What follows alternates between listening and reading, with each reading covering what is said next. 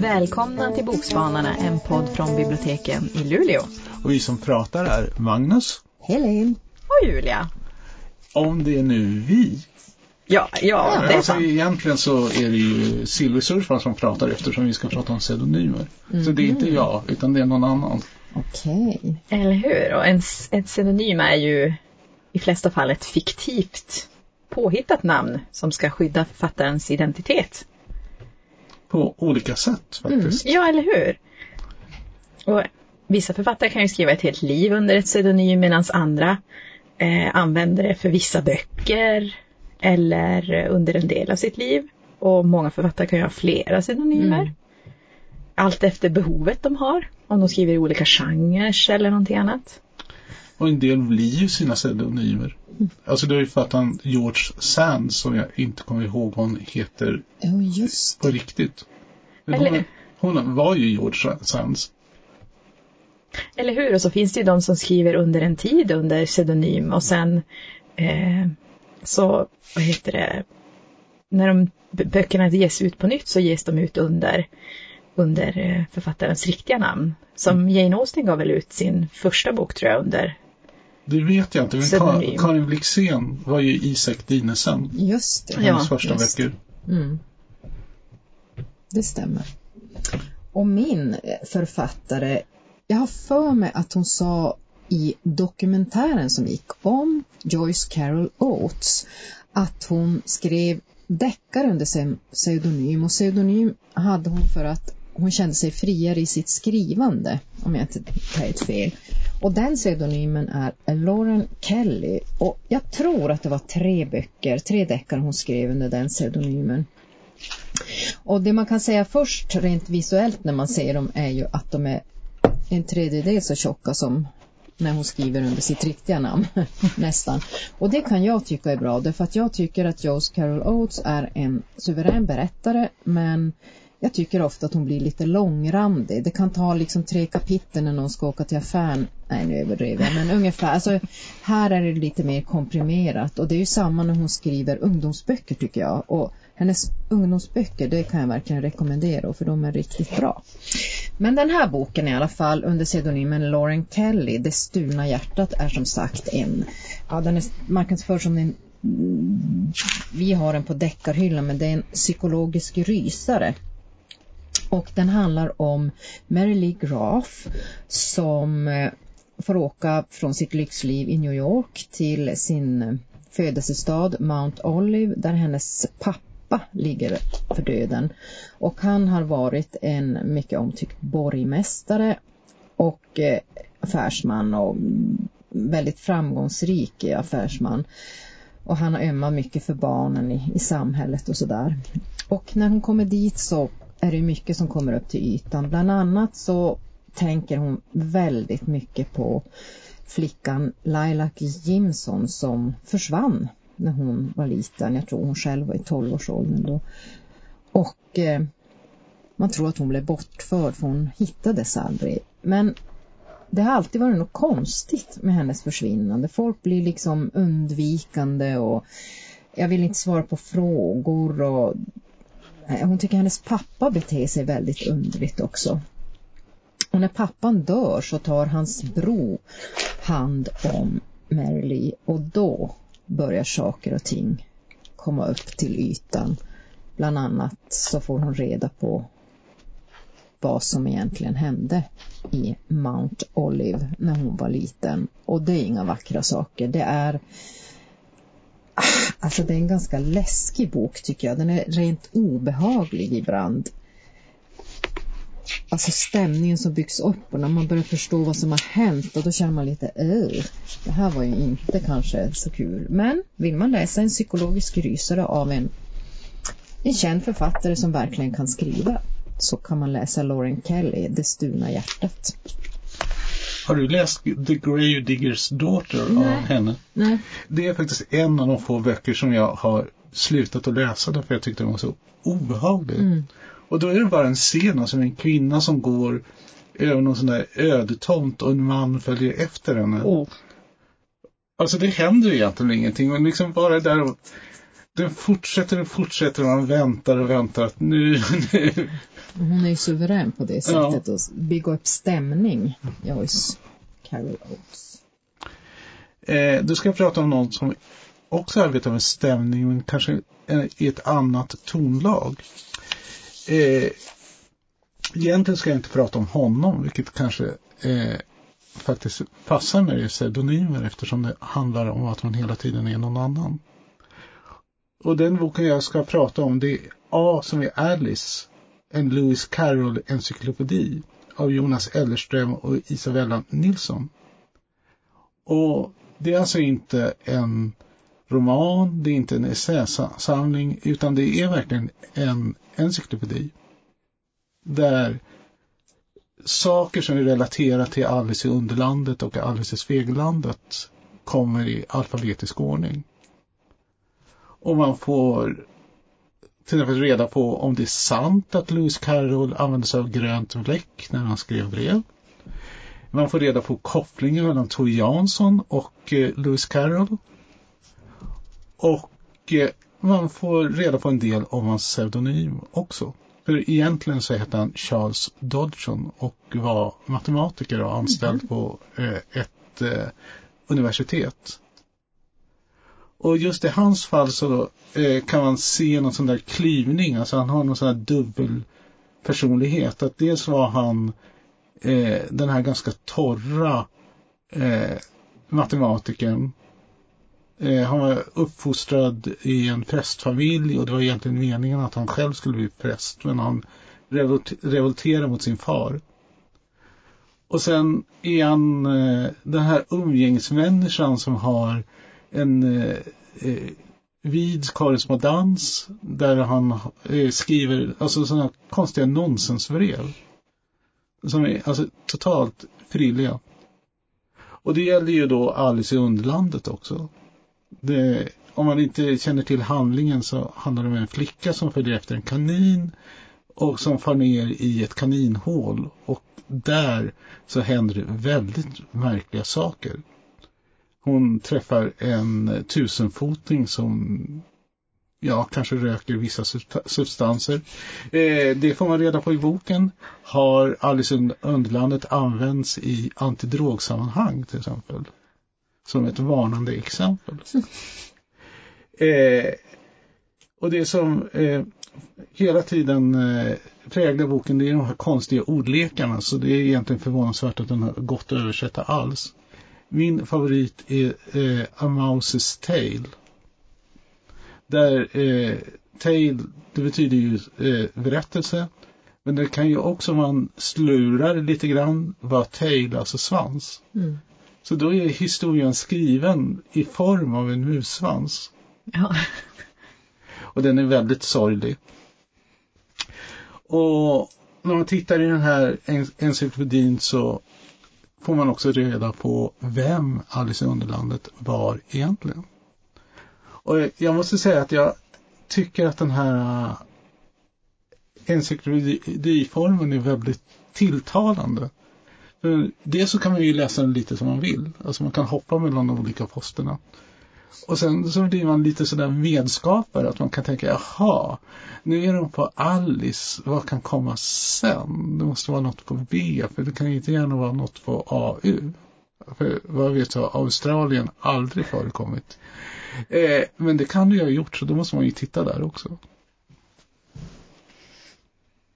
Ja, är det bilder i den också? Det är bilder, de är gjorda av Inger Edelfelt. Mm. Tyvärr, höll jag på att säga. Men det är bara därför att jag är, har någon sån där Alice i Underlandet fixering. Jag älskar originalillustrationerna. Mm. Så allt som inte är originalillustrationerna inklusive den gräsliga Disney-variationen säger jag nej till. Ja, då gillar du inte Disney-versionen. Nej, nej, nej. Eh, Nej. Nej. Fast titta... du fick tänka efter. Ja, jag fick tänka efter. Jag funderar på vad som fanns på en i encyklopedin. Och just i det här fallet så är det nej. Absolut, men ska vi gå vidare? Ja. Och jag... Nej. Nej, okej. Då gör jag det ändå. Eh, nej, ehm, ja, pseudonymer. Då tänkte jag på eh, Victoria Benediktsson. Och det har ju kommit en ny eh, stor biografi. Eh, och det ska vara den första stora biografin över Victoria Benediktsson som har kommit ut på över 70 år enligt förlaget. Så då känns det som, det var ju verkligen på tiden. Och det är ju mitt stora vackra hat, en biografi över Victoria Benediktsson av Elisabeth Åsbrink. Och eh, det är ju den bästa biografin jag har läst på riktigt länge. Och eh, man ska inte bli skrämd av storleken, för den är ju nästan 600 sidor. För den är Mm. väldigt, väldigt lättläst och det flyter på. Alltså tjoff så har det gått en timme som, som har suttit och läst. Eh, och Victoria Benediktsson är, en, är ju en svensk författare och dramatiker. Hon levde mellan 18, året 1850 och 1888 och hon valde att skriva under pseudonymen Ernst Ahlgren. Hon debuterade 1884 med novellsamlingen Från Skåne och hon är mest känd för sina romaner Pengar och Fru Marianne. Och i den här boken så målar eh, Åsbrink upp Benediktssons samtid och vi får ju inblick i de här litterära kretsarna i Norden under den här tiden. För det var ju en tid av stor förändring och många nya tankar och idéer luftades. Eh, för de ville ju förändra samhället. Och det var ju flera rörelser som pågick parallellt. Stora ideologiska, moraliska och ekonomiska förändringar skedde under den här tiden. Alltså riktigt paradig paradigmskifte. Ehm, och det fanns två typer av människor då. De som vill framåt och de som vill att allt ska förbli som det var. Ehm, eh, och Victoria Benediktsson var ju samtida med eh, Fredrik Nietzsche. Och han sa ju att Gud är död. Och om Gud är död, vad har vi då istället? Det var ju frågan som de brottades med där. Och jag då kom fram till, ja men moderniteten, det är det som ska komma, det är det som ska ersätta eh, Gud. Så då ifrågasättes ju allt. Tro, äktenskap, sexualitet, makt, allt, allting. Alla sådana här stora saker ifrågasattes ju. Och allt det här påverkade ju såklart Victoria Benediktsson och hennes skrivande. För hon skrev ju om de aktuella frågorna verkligen för sin tid. Hon skrev ju om, om pengar och äktenskap. Alltså. Ehm, så vi får följa, följa henne från barndomen i Skåne, äktenskapet med den äldre postmästaren Christian, hennes varma relation till sina styrbarn, hennes komplicerade relation till sin dotter Hilma, eh, hennes arbetsrelation med yngre författaren Axel Lundegård, resor till Stockholm, Köpenhamn, Paris, men mest det här hennes driv att få skriva. Att ta plats, bli publicerad. Hon träffar ju många av sina samtida författare och börjar brevväxla med flera av dem. Och hon, vi får ju följa hur hon träffar då George Brandes i Köpenhamn. Och George Brandes är ju en, en litteraturkritiker som hade stort, stort inflytande i nordiska litteraturkretsar. Och så får vi ju följa deras komplicerade relation fram till hennes självmord vid 38 års ålder. Och Elisabeth Åsbrink har ju lyckats fantastiskt bra med den här. Hon har vävt samman informationen som finns om Victoria Benediktsson och hennes samtid och det är verkligen ett fantastiskt porträtt som hon har gjort. Eh, och jag vill, nu vill jag läsa mer av både Benediktsson och Åsbrink. Så jag har eh, fru Marianne hemma nu på eh, sängbordet. Har ni läst någonting av Victoria Benediktsson? Ja, fast det är länge sedan. Ja, precis. Jag tänkte också det. Eh, varför skrev hon då under en mans namn? Vet du det? Eh, men det var ju någonting som hon, hon valde. Hon uppskattade ju inte liksom kvinnans roll i samhället. Hon kände väl att hon skulle få ehm, att hon ville ha samma förmåner och samma, liksom ses på samma sätt som en manlig. Hon, eh, vad heter det, ibland skrev hon i sina brev, kallade sig mamma Ernst liksom. Så att folk visste ju om ganska tidigt att hon var en kvinna som skrev under det här Mm. synonymet. Det var ju många kvinnor som publicerade sig under den här tiden under sina riktiga namn. Så det var inte någonting hon behövde göra för att bli publicerad utan jag tror att hon valde det för att hon ville ses, hon ville ses för det hon hade skrivit och inte för sitt kön. Tror jag.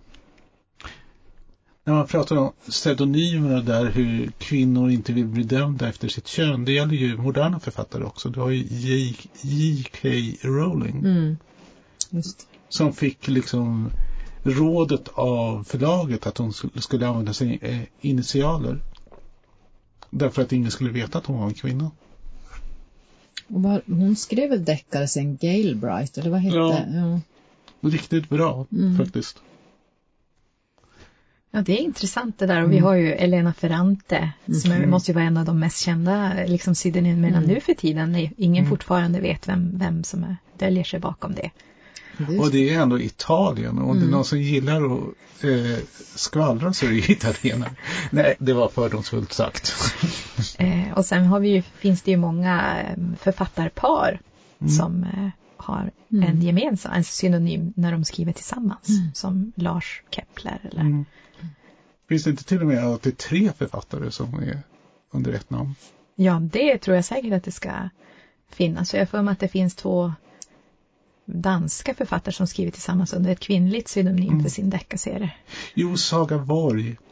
Eh, hon skrev, eller de skrev, jag tror de var fem stycken. Där det var liksom verkligen någon sån där verkstad där det fanns en som bestämde och så var det en som skrev eh, erotiken och en som skrev handlingen. Och så verkar de ha bytt eh, ut dem efterhand. Eh, som skrev någon slags eh, bronsåldersraffel. Just ja, jo men de är ju poppis de böckerna. Jag hade ingen aning om det. Och sen har vi ju, har ju du nämnt i, i något tidigare avsnitt Magnus, vad heter det, om, om Kitty-böckerna. eh, Carol Kenny. Eh, Ja. där, det är också intressant. Eh, för det är ju en sån där franchising. Alltså att eh, okända författare i USA kan köpa en eh, Kitty-titel. Som de skriver. Och sen använder de den som eh, arbetsprov när de ska skaffa sig en litterär agent. Alltså att de kan säga, så här bra sålde den. Så därför kan det ju vara verkligen stor skillnad på kvaliteten då på Eh, och då kan man ju också nämna Janet Ivanovic som jag pratat om. Som är känd för One for the Money-serien. Som innan hon började skriva under sitt eget namn lär ha skrivit bortåt 200-300 kärleksromaner. Minsann. Och om då, ja hon måste ju ha haft någon pseudonym på den. Ja, absolut. Ja, det verk, verkar ju Och där liksom, leva och frodas pseudonymerna fortfarande. Mm. och där märker man ju verkligen med henne när man börjar läsa de här böckerna att hon på något sätt har skrivit upp sig. Hon har sin formel. Som i varje fall passar mig. Mhm. Kvinna, man och eh, rolig mormor. Ja, men eh, vad pratar du om i det här avsnittet, Helene? Eh, Lauren Kelly, Det stulna hjärtat, pseudonym för Joyce Carol Oates. Och jag pratar om A som är Alice, en Lewis Carroll-encyklopedi av Jonas Ellerström och Isabella Nilsson. Och jag vill verkligen, verkligen tipsa om mitt stora vackra hat, en biografi över Victoria Benediktsson av Elisabeth Åsbrink. Wow! Om ni skulle ha en pseudonym, vad skulle det vara? Eh, Kapten Morot. Ja, jag har ju redan en som min kompis döpte om mig till för länge, länge sedan. Helle Nille Falk. Oh, nice! Var hon nu fick det ifrån. Även hundar kan ha pseudonymer. Vi har en hund liksom i portutgången som antingen så heter den Tyst eller så heter den bara Tyst när jag är i närheten. Jag vet inte. Nej, men bra. Tack för den här gången. Ja, hej då! Hej då allihopa!